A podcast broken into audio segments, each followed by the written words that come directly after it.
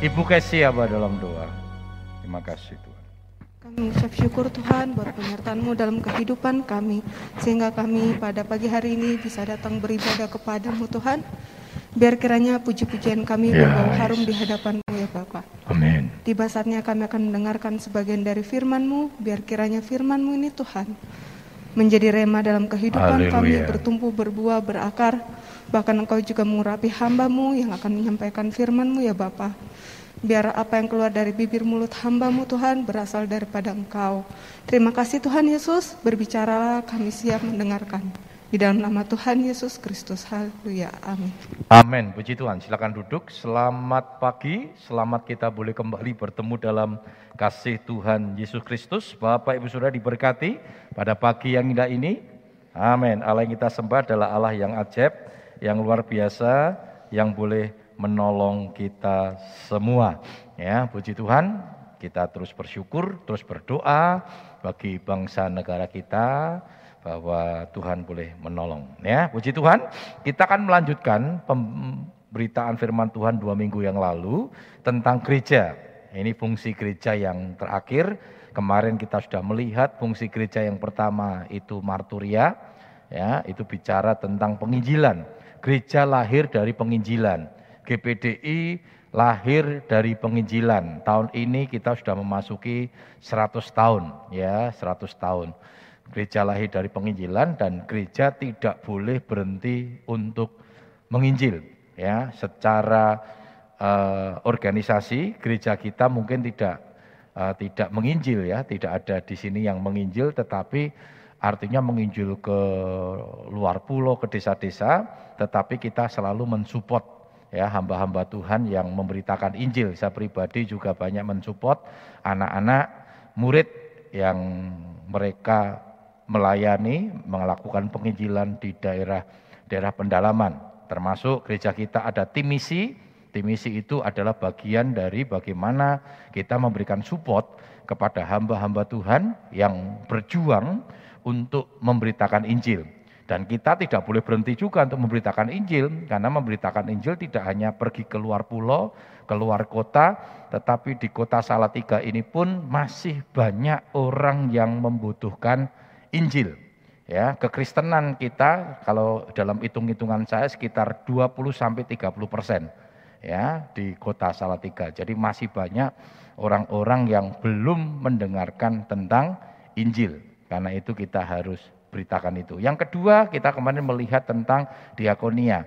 Gereja itu berfungsi untuk melayani, memberikan pelayanan-pelayanan. Kita sudah melihat. Nah, hari ini fungsi gereja yang ketiga adalah koinonia. Cuma saya di tulisannya lupa mengganti sudah ya, marturia. Ya, bisa dimunculkan slide uh, PowerPoint-nya. Gereja koinonia atau persekutuan ya. Itu masih marturia jadi koinonia. Mari kita sama-sama sekali lagi membaca. Jadi saya harapkan 2 Petrus 1 uh, 2 ayat eh, 1 Petrus 2 ayat 9 sampai 10 ini betul-betul kita memahami mengerti karena ini esensi gereja yang sesungguhnya ya. Jangan sampai kita hanya baca tetapi kita tidak memahami. Sekarang kita memahami gereja yang sesungguhnya. Gereja yang sesungguhnya bukan sekedar organisasi Gereja yang sesungguhnya adalah organisme bagaimana orang-orang yang ada di dalamnya. Ya, kan ada pujian anak sekolah minggu ya, gereja itu bukan sekedar bangunannya. Ya, bangunan satu kali akan dirombak. Ya, bait Allah fisik akan dirombak, tetapi bait Allah rohani akan disempurnakan oleh Tuhan. Ya, mari sekali lagi kita bangkit berdiri bersama-sama 1 Petrus 2 ayat 9 hingga yang ke-10. 1 Petrus 2 ayat 9 hingga yang ke-10 kita akan baca bersama-sama.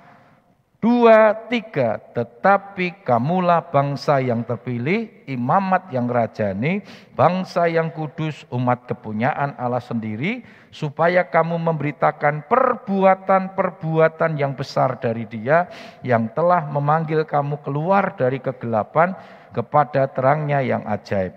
Kamu yang dahulu bukan umat Allah, tetapi yang sekarang telah menjadi umatnya, yang dahulu tidak dikasihani, tetapi yang sekarang telah beroleh belas kasihan.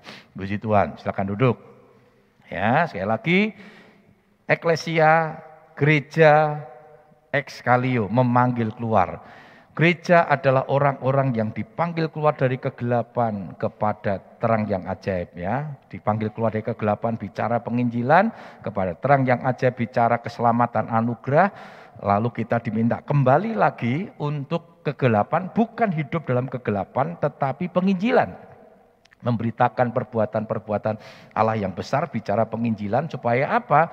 Supaya orang-orang yang dalam kegelapan itu menerima keselamatan. Jadi penginjilan tidak pula tidak boleh pernah berhenti sampai semua orang terima Yesus. Walaupun tidak semua orang nanti akan terima Yesus ya. Tidak semua karena ada yang diselamatkan, ada yang tidak terselamatkan. Yang tidak terselamatkan karena nggak percaya Yesus saudara. Ya, Tetapi di hari-hari ini uh, apa gerakan penginjilan begitu luar biasa. Nah hari ini salah satu fungsi dari gereja adalah koinonia, persekutuan. Apa itu saudara? Gereja adalah persekutuan orang percaya di mana orang-orang percaya itu saling berempati. Next PowerPoint-nya. Gereja adalah persekutuan orang percaya yang saling berempati. Coba kita lihat Ibrani 10 ayat 25. Ibrani 10 ayat yang ke-25. Janganlah kita jauhkan diri dari pertemuan-pertemuan ibadah kita seperti biasa yang seperti biasakan oleh beberapa orang, tetapi marilah kita saling menasihati dan semakin giat melakukannya menjelang hari Tuhan yang mendekat. Perhatikan Saudara. Ibadah itu ya dikatakan ya kita ini tidak boleh meninggalkan dikatakan ya, meninggalkan atau menjauhkan dari dari pertemuan-pertemuan ibadah kita seperti yang dibiasakan beberapa orang. Tetapi marilah kita saling menasehati dan semakin giat melakukan di ibadah. Amin. Tapi luar biasa ya. Di hari-hari menjelang kedatangan Tuhan kita dipaksa untuk meninggalkan i ibadah. Makanya terjadi per, terjadi pergulakan, terjadi perdebatan di dunia teologi, di dunia hamba-hamba Tuhan. Bahkan ada yang memunculkan ya, mendengarkan di YouTube kalau pemahaman-pemahaman kita terbatas. Sehingga akhirnya banyak sekali ada gerakan-gerakan anti vaksin dan sebagainya. Nah kalau saudara anti vaksin, ada teman saya anti vaksin saudara. Nah raiso lungo-lungo saudara ya. Raiso neng mall, saudara tidak boleh pergi keluar kota. Karena nanti persyaratan ya, ini sih belum belum belum belum ada. Tetapi isu yang sering beredar itu nanti tidak lagi tidak lagi apa namanya tes, tetapi harus punya. Wah saudara, wah luar biasa. Akhirnya banyak orang pergi ke tempat vaksin karena supaya bisa ngemol lagi saudara ya. Wah saya punya ada orang yang nggak mau vaksin, aku mau medeni dan sebagainya. Terus akhirnya bagus saya vaksin. Loh lah kok vaksin? Hanya orang vaksin raiso ngemol ya katanya. Wah aku senengnya ngemol, wah raiso ngemol kata saudara. Nah jadi pinter juga pemerintah saudara ya. Masuk mall harus vaksin. Sekarang ini oh, tidak lagi antigen tapi vaksin saudara ya dan sebagainya. Nah ini gerakan yang luar biasa.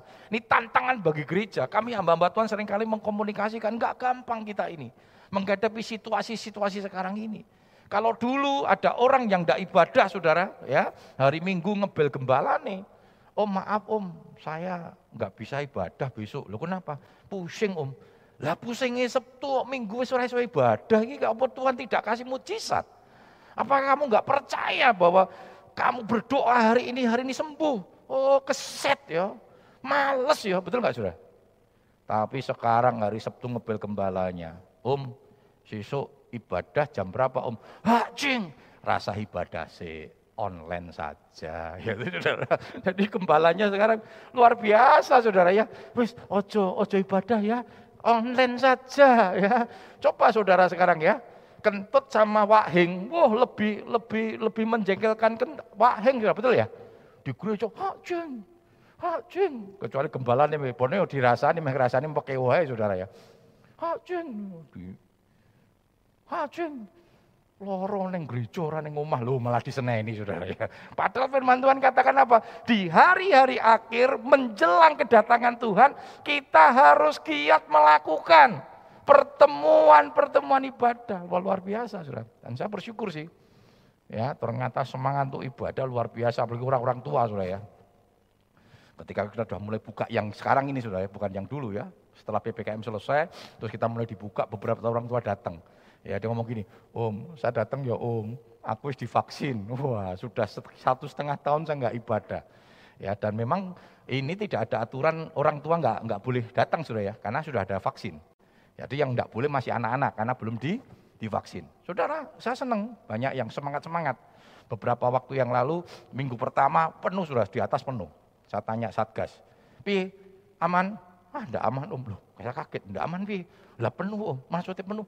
Lah yo gerejanya penuh, isinya penuh. Ya apa saya bilang.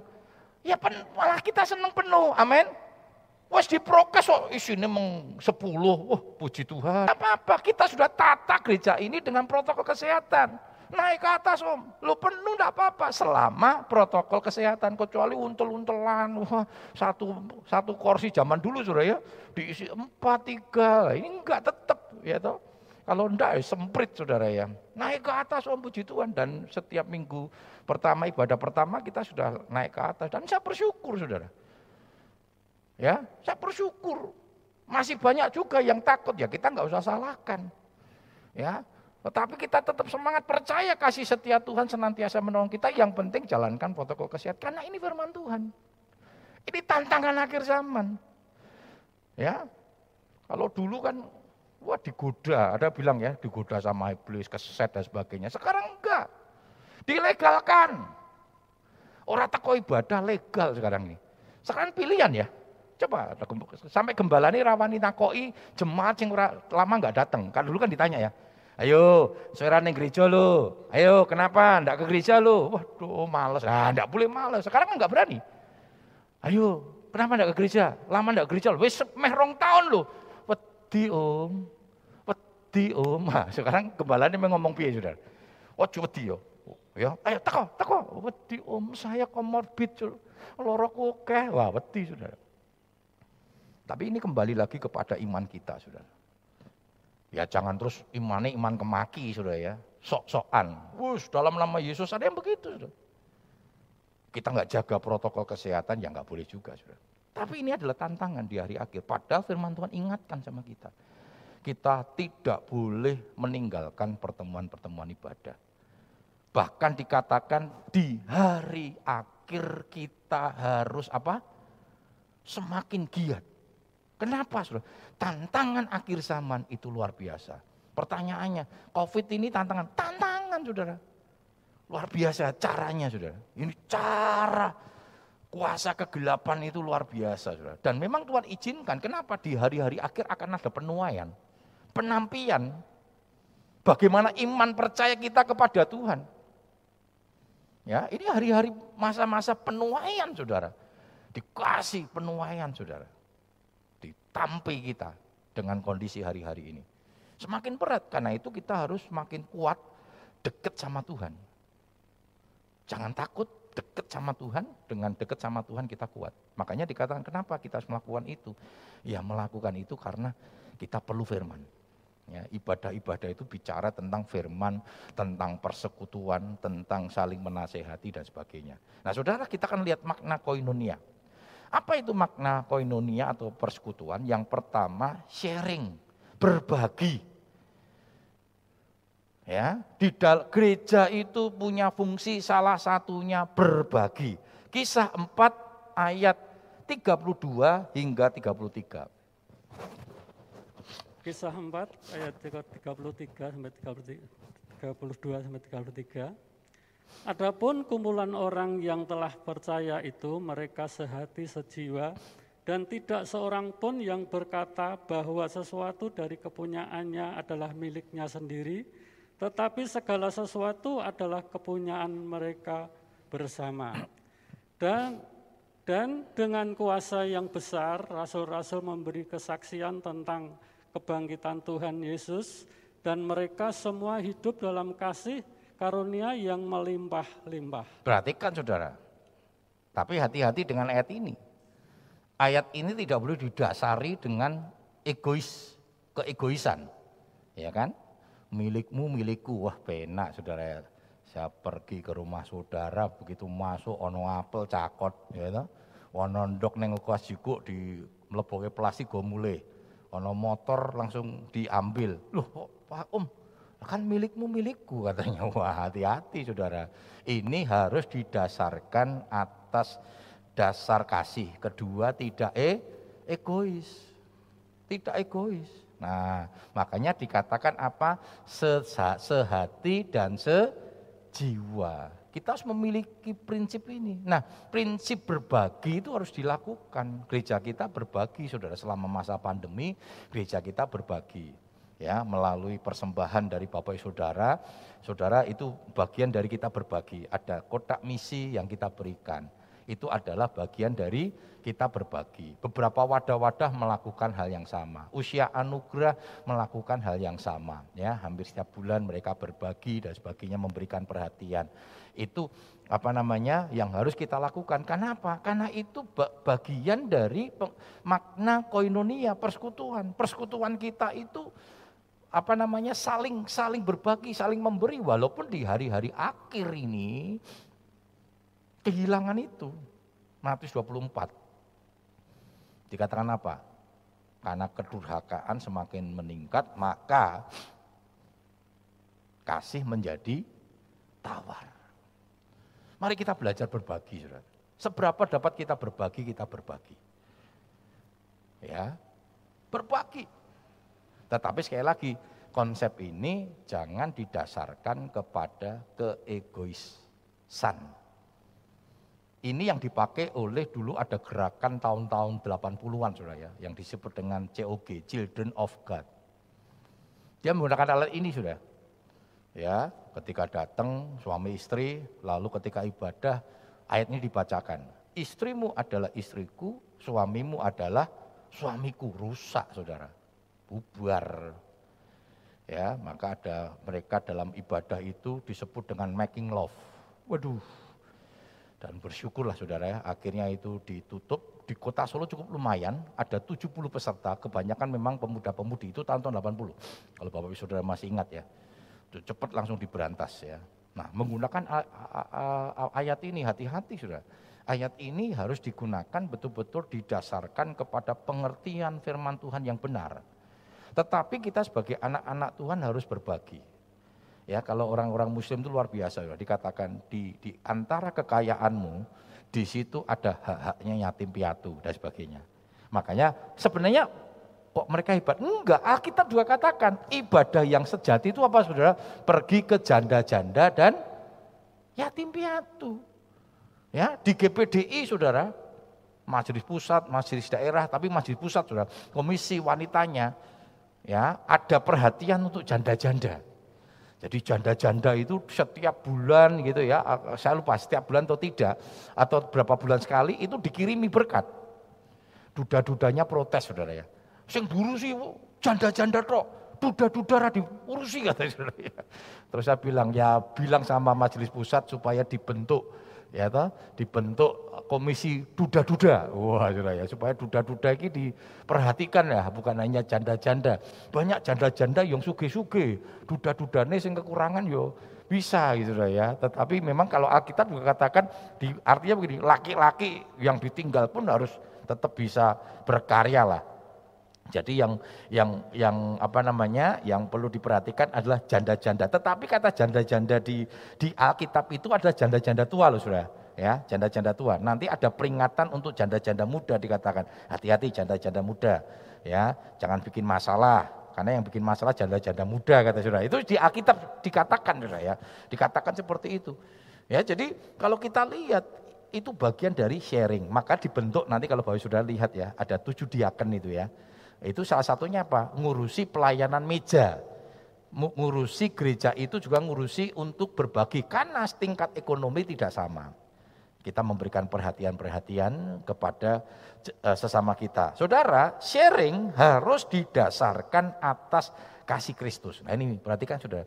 Berbagi ini harus didasarkan kepada kasih Kristus. Sebab kalau tidak, ketika kita berbagi motivasinya salah. Kenapa? Motivasinya supaya kita dihormatin. Supaya orang perhatikan kita atau ada kepentingan tertentu. Contohnya, ya mau pilkada, mau pilihan lurah, waduh banyak orang berbagi sudah ya. Kalau zaman dulu saudara ya, pilihan lurah itu luar biasa, kepala desa. Saya punya teman yang pabrik roti, rotinya kelas-kelas yang tidak terlalu mahal saudara. Kalau pilihan kepala desa, waduh, wah itu ramenya luar biasa. Kenapa saudara? Itu kalau mau menjelang pilihan di desa saudara ya, wah itu di tempat calon-calonnya saudara, itu setiap hari pesta. Motong kambing, motong sapi, ya roti selalu ada. Makanya tidak heran orang kepilih stres saudara. Habis. Kenapa? Memberi didasarkan motivasi yang salah, kecewa.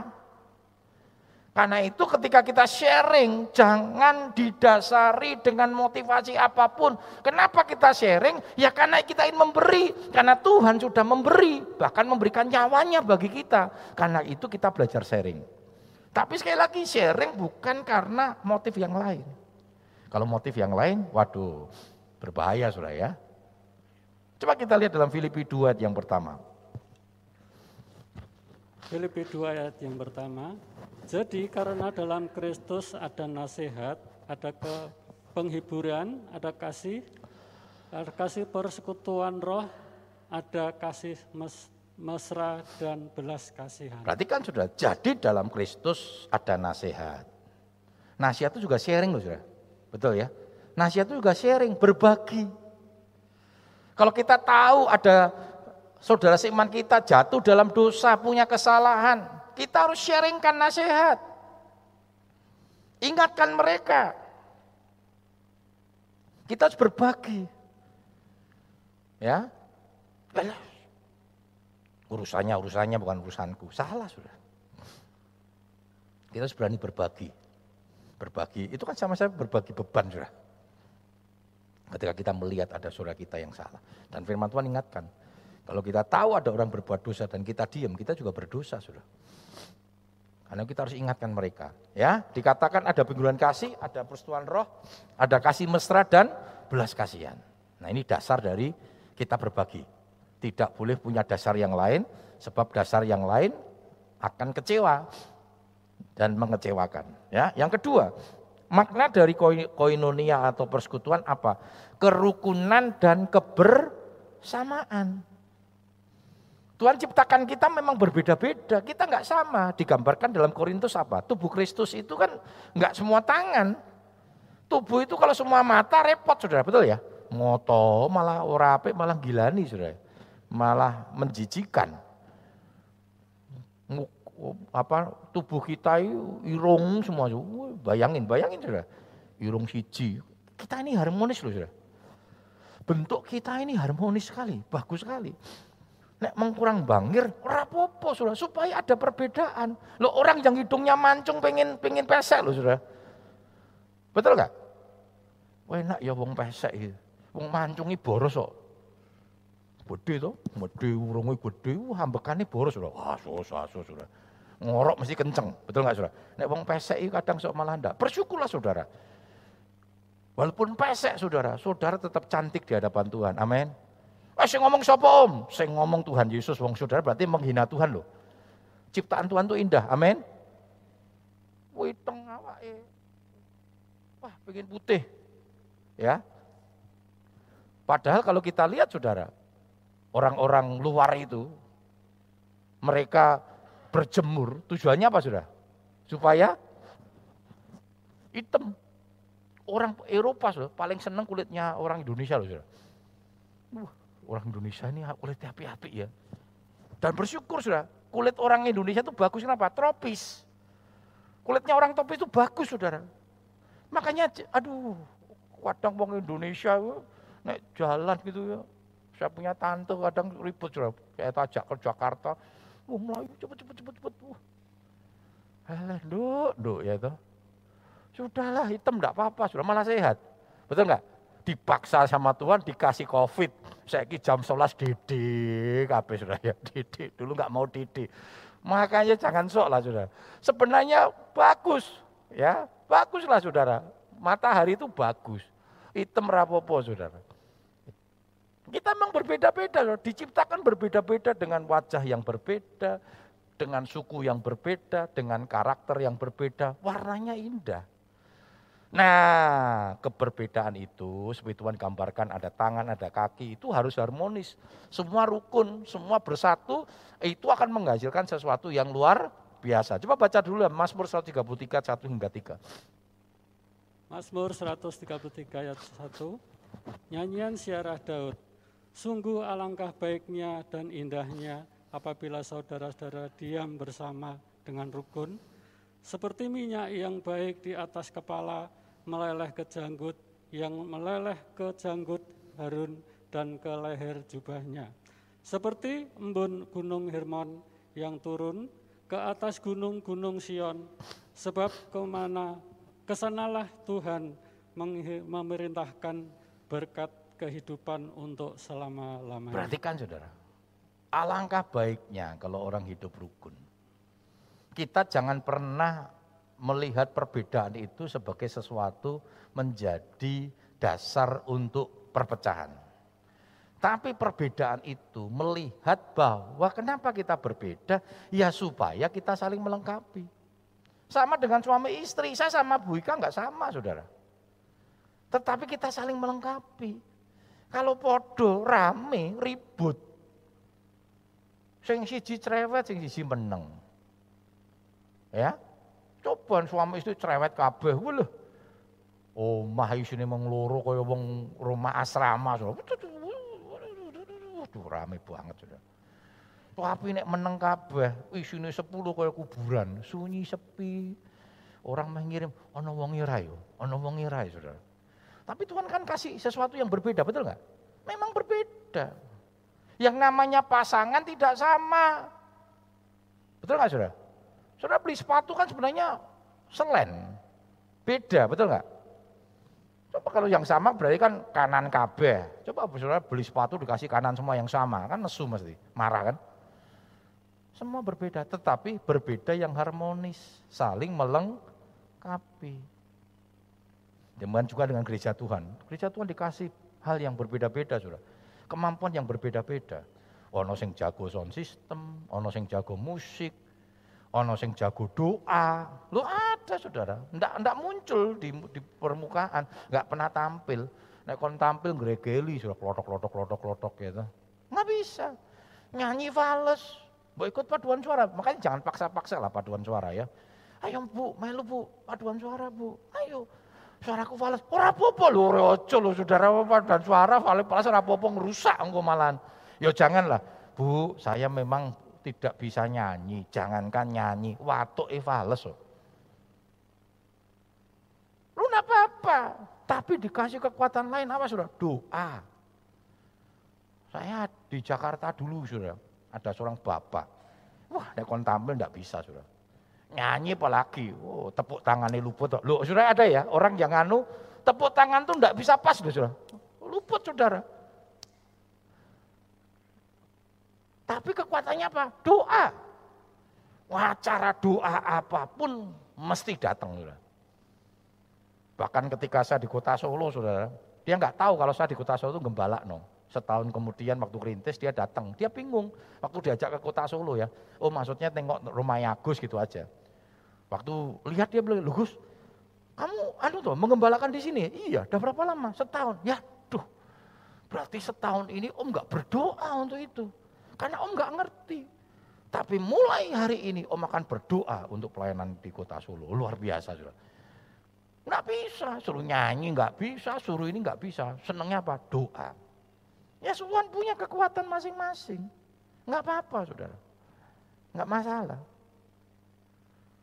Keberbedaan itu ketika dipadukan menjadi satu kekuatan. Maka saya nggak boleh sombong. Saudara. Kalau saya boleh tiba sampai hari ini, banyak orang-orang di balik layar yang berdoa untuk saya. Masih ingat jemaat kota Solo yang apa sudah meninggal sih ya. Pada waktu itu orang tua, orang desa pakainya masih pakai kain sudah ya, pakai jarik begitu. Setiap kali datang ibadah, duduknya di pojok. Kalau saya firman, dia naikkan kaki ke apa namanya, karena badannya kecil ya, naikkan kaki ke atas kursi, kepalanya dipepetkan tembok, merem, saudara. Nah jemaat yang lain pikirnya tidur. Sempat ngomong sama saya, Pak Agus mau ditegur itu, selalu tidur, mengganggu itu, rasanya tidak enak. Saya bilang, wes rasa diperhatikan toh. Wes pokoknya kamu fokus firman tetap tidak enak toh. Ya wong bone orang ngorok kecuali dia tidur terus ngorok. Lalu kan ganggu ya. Lalu saya panggil. Eyang, maaf ya Eyang, nek saya firman kok Eyang masih tidur tuh gimana? Dalam bahasa Jawa sudah ya, karena dia nggak bisa bahasa Indonesia. Apa yang dia katakan? Saya nggak tidur Pak Agus. Kenapa? Ketika Pak Agus firman, saya berdoa untuk Pak Agus. Loh hebat tenan gitu. Kaget saya, salah saya malu itu. Nah ada orang-orang yang diberikan kekuatan-kekuatan yang berbeda-beda. Kita punya kekuatan berbeda, dia menonjol. Memang dia seorang leader. Saya nggak tahu bagaimana setiap kali saya ada di satu tempat saya mesti mimpin. Saudara. Bukan saya mau mimpin, tetapi dipaksa untuk mimpin. Satu kali kami pernah pergi ke Malang, Batu Malang, kita ikut konferensi studi pengembalaan. Kita nginep di sebuah villa ya. Waktu itu ada sekitar 12-14 orang yang ikut rombongan suami istri. Sampai di sana sudah villanya masuk, mereka nggak berani masuk sudah, nggak berani masuk kamar. Lalu saya bilang, bagus, ini piye, baginya kamar piye. Ya sudah pokoknya masuk saja dah, terserah milih dewi. Enggak bisa begitu, Pak Agus yang tentukan. Nah, kenapa kalau tentukan? Sebab mereka misalnya meh masuk kamar, dipilih sing apik toh, dia nggak enak sama yang lain kan. Wah, aku sih aku sih ribut. Pak Agus yang tentukan. Nggak usah, orang iso. Pak Agus yang harus tentukan katanya. Aduh, saya harus tentukan saudara. Ya sudah, saya tentukan nih Bapak Ibu ini ada yang sakit diabetes, ya kamar mandi cuma satu, yang apa kamar apa kamar ada kamar mandinya ya sudah buat om sama tante ini masuk. Ya ini ya ini yang muda-muda naik ke atas, ya saya tidurnya di sofa karena Bu Ika nggak ikut saudara, ya bujangan tidurnya di sofa. Ya, lalu bapak-bapak yang lain rapenak sudah nemenin gelar tiker di situ ya, gelar dasana sudah. No, kita tidak mau mimpin, tapi mereka nggak bisa. Terus tanya, Pak Gus, kau mangkat jam piro? Ya, jam 4 siap ya, jam 4 siap. Ora siap tak tinggal. Karena yang lain nggak berani ngopiak-ngopiak seperti saya ngopiak-ngopiak. Begitu jam 3 saya bilang, jam 4 berangkat. Ayo siap-siap semua ya, siap-siap semua ya. Ayo udah mandi-mandi. Ya, nanti pagi ya gitu. Padahal orang-orang tua, saudara. Ya kadang Tuhan izinkan seperti itu. Yang lain ya manut. Bukan berarti kita mau mimpin, pemimpin juga perlu. Ya, memang ada yang Tuhan Tuhan Tuhan kasih kasih kasih kemampuan seperti itu. Tapi kita mau belajar sudah ya. Belajar saling menghormati. Yang yang ketiga, makna koinonia apa sudah? Kasih tanpa syarat. Nah ini didasarkan kepada kasih tanpa syarat. Sebab kalau koinonia tidak didasarkan, sharing tadi tidak didasarkan kepada kasih tanpa syarat, sekali lagi saya sampaikan tadi, bisa menyebabkan kita menjadi sakit hati. Kenapa? Karena kita punya motivasi yang berbeda. Kita pamrih, nggak boleh. Ya, ketika kita memiliki koinonia dalam persekutuan itu, kita didasarkan kepada kasih tanpa syarat. Coba kita baca dalam 1 Yohanes 4 ayat 10.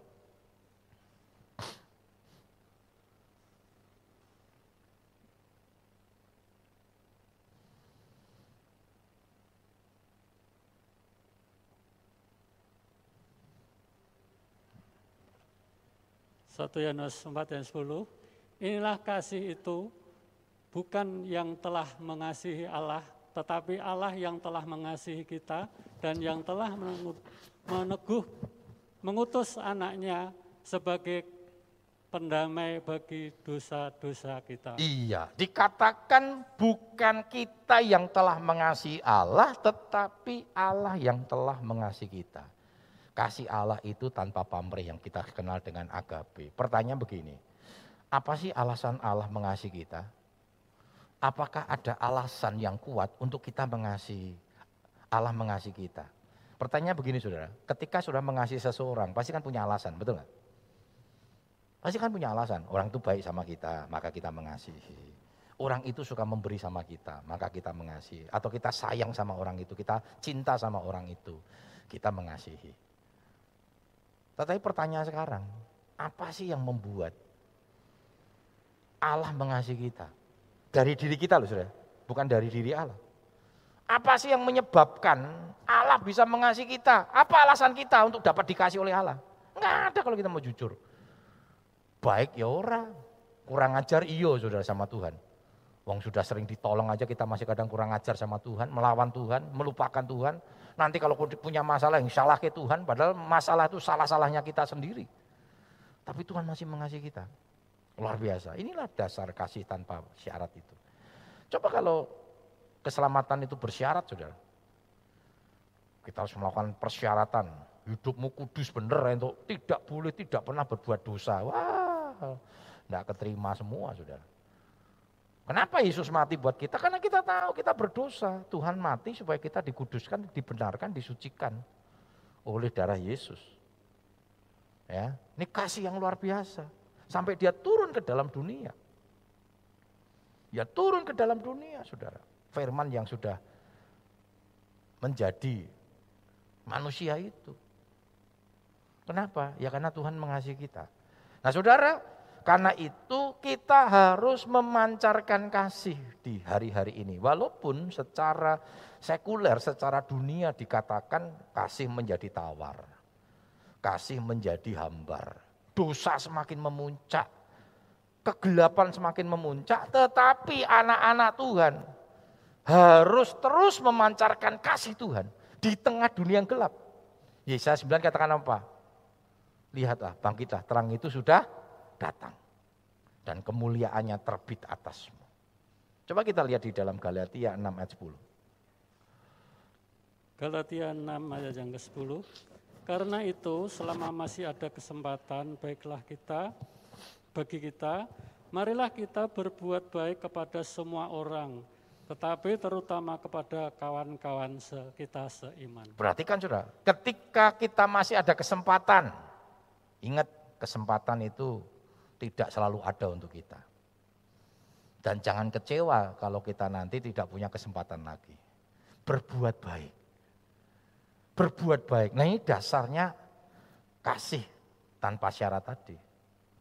Ketika masih ada kesempatan kau punya orang tua, berbuat baiklah kepada orang tuamu, kasihlah orang tuamu dengan sungguh-sungguh. Jangan mengasuh orang tua ngarep ke warisan gitu ya. Wah, wis tua wis tak opani tenanan genku warisanku luwe akeh. Itu namanya pamrih. Jangan hidup karena warisan. Karena hidup menurut karena kasih Tuhan. Amin. Eh, saudara, om piye ya tetep warisan wong bapak ibuku berhektar-hektar aku rentuk ya ora iso. Hidupmu bukan karena warisan, hidupmu karena kasih Tuhan. Amin. Amin. Warisan itu bikin masalah kadang saudara. Warisan itu bisa bikin keluarga pecah, saudara pecah, ribut yang pengadilan. Gara-gara warisan. Yang nanti ketika kita mati kita nggak bawa apa-apa saudara. Tapi gara-gara itu kita kehilangan kasih karunia Tuhan. Kalau ada yang melakukan itu bertobat saudara. Jangan hidup karena warisan. Itu yang saya sampaikan sama istri saya. Orang ributi warisan. Baik warisan dari keluarga istri saya maupun keluarga saya. Karena hidup kita bukan karena warisan. Hidup kita karena kasihku Tuhan. Biarkan saja, lepaskan. Toh misalnya sudah punya hak, sudah enggak dapat, usah ribut. Lepaskan hakmu. Karena kasih Tuhan itu lebih hebat daripada, berkat Tuhan itu lebih hebat daripada sekedar warisan. Karena hidup kita bukan karena warisan. Hidup kita karena kasih Tuhan. Menyesal ada, mengerikan saudara. Ada banyak orang yang dilahirkan dari rahim yang sama. Makan dari, minum dari susu orang tua yang sama. Tapi akhirnya bisa berantakan, bisa pecah gara-gara warisan. Karena hidup kita bukan karena warisan. Hidup kita karena kasih Tuhan. Sayangi orang tuamu karena engkau benar-benar mengasihi orang tuamu. Sayangi saudaramu karena engkau benar-benar mengasihi saudaramu. Sayangi suamimu, istrimu selama masih ada kesempatan. Karena satu kali kesempatan itu enggak, enggak akan pernah ada. Percuma kita mengasihi orang tua kita ketika sudah ada di kuburan, kita bawakan ingkung, kita bawakan apa minuman, makanan, enggak ada yang makan saudara. Yang makan ya penjaga kuburan. Dulu masih ingat saudara, kalau mama saya, ya mama saya dulu kepercayaan masih masa lalu sudah ya. Kalau ke kuburan dibawakan itu ya teh, gula, waduh kasihkan makanan. Yuk. serupai gitu ya. Terus keliling kan, ditinggal kan, setelah di sini tinggal dulu, keliling ke tempat lain karena keluarga di situ. Enggak begitu balik, wih, udah nggak ada. Ya. Wah, dimakan, dimakan bayi itu saya biasa makan ya sing Joko itu. Wah, besok dibawain lagi ingkongnya satu wis entai, wis pengen besok dua ingkong. Ya hilang terus Saudara, mau sak karung ingkong ya hilang terus. Dulu kita, wah dimakan loh, dimakan, wah minumnya habis gula nentek. Waduh gula nentek. Ya yang ngambil ya penjaganya itu sudah yang resik itu. Sayangi masih ada kesempatan, amin. Ketika masih ada kesempatan berbuat baiklah, terutama kepada saudara-saudara seiman. Lakukan itu. Ya, lakukan itu. Jadi gereja memiliki fungsi koinonia. Yang pertama, koinonia itu berbagi. Berbagi dasarnya harus kasih karunia Kristus. Yang kedua, Koinonia artinya kita memang berbeda-beda, ya. Kita memiliki karakter yang berbeda. Tidak ada karakter yang salah, karena karakter Tuhan yang kasih. Yang salah siapa saudara? Kita tidak membentuk karakter itu dengan baik. Tidak ada karakter yang jelek. Semua karakter baik karena Tuhan yang kasih karakter. Saya kira percaya sudah kan tidak pernah bisa milih. Saya pengen karakternya seperti, enggak bisa, Tuhan kasih. Dan setiap karakter itu bagus, nggak ada jeleknya. Makanya jangan pernah ngomong, wah udah seneng baik karaktermu. Nggak ada karakter yang jelek juga. Semua baik. Yang salah apa? Yang salah kita. Karena tidak membentuk karakter sesuai dengan karakter Kristus. Makanya kan dikatakan di dalam Filipi 2. Dalam hidupmu bersama, biarlah kita memiliki perasaan dan pikiran yang terdapat di dalam Yesus Kristus. Hidup rukun dalam kepersatuan. Keberbedaan itu membuat kita kuat. Karena kita punya kemampuan yang berbeda-beda. Punya kemampuan yang saling melengkapi. Dan yang ketiga, ya dikatakan apa? Koinonia itu artinya kasih tanpa syarat. Didasarkan kepada kasih tanpa syarat atau agape. Sehingga itulah yang boleh menjadi kekuatan kita. Ya, Mari kita sebagai jemaat-jemaat tubuh Kristus, kita semua tetap ada di dalam kasih Tuhan di dalam persekutuan kita. Jangan tinggalkan ibadahmu, tetapi tetap jaga prokes di hari-hari ini. Karena sekali lagi, tantangan gereja Tuhan di hari-hari akhir. Firman Tuhan katakan, jangan tinggalkan itu, bahkan di hari-hari yang semakin mendekat ini, kita giat melakukan. Kalau hari-hari ini kita dipaksa oleh keadaan, untuk kita tidak beribadah, tapi bersyukur kalau kondisi kita boleh semakin baik.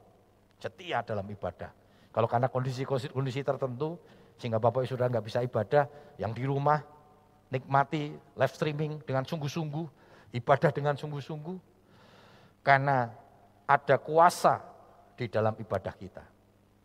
Dikatakan bahwa latihan badani terbatas gunanya, tetapi ibadah itu mengandung janji.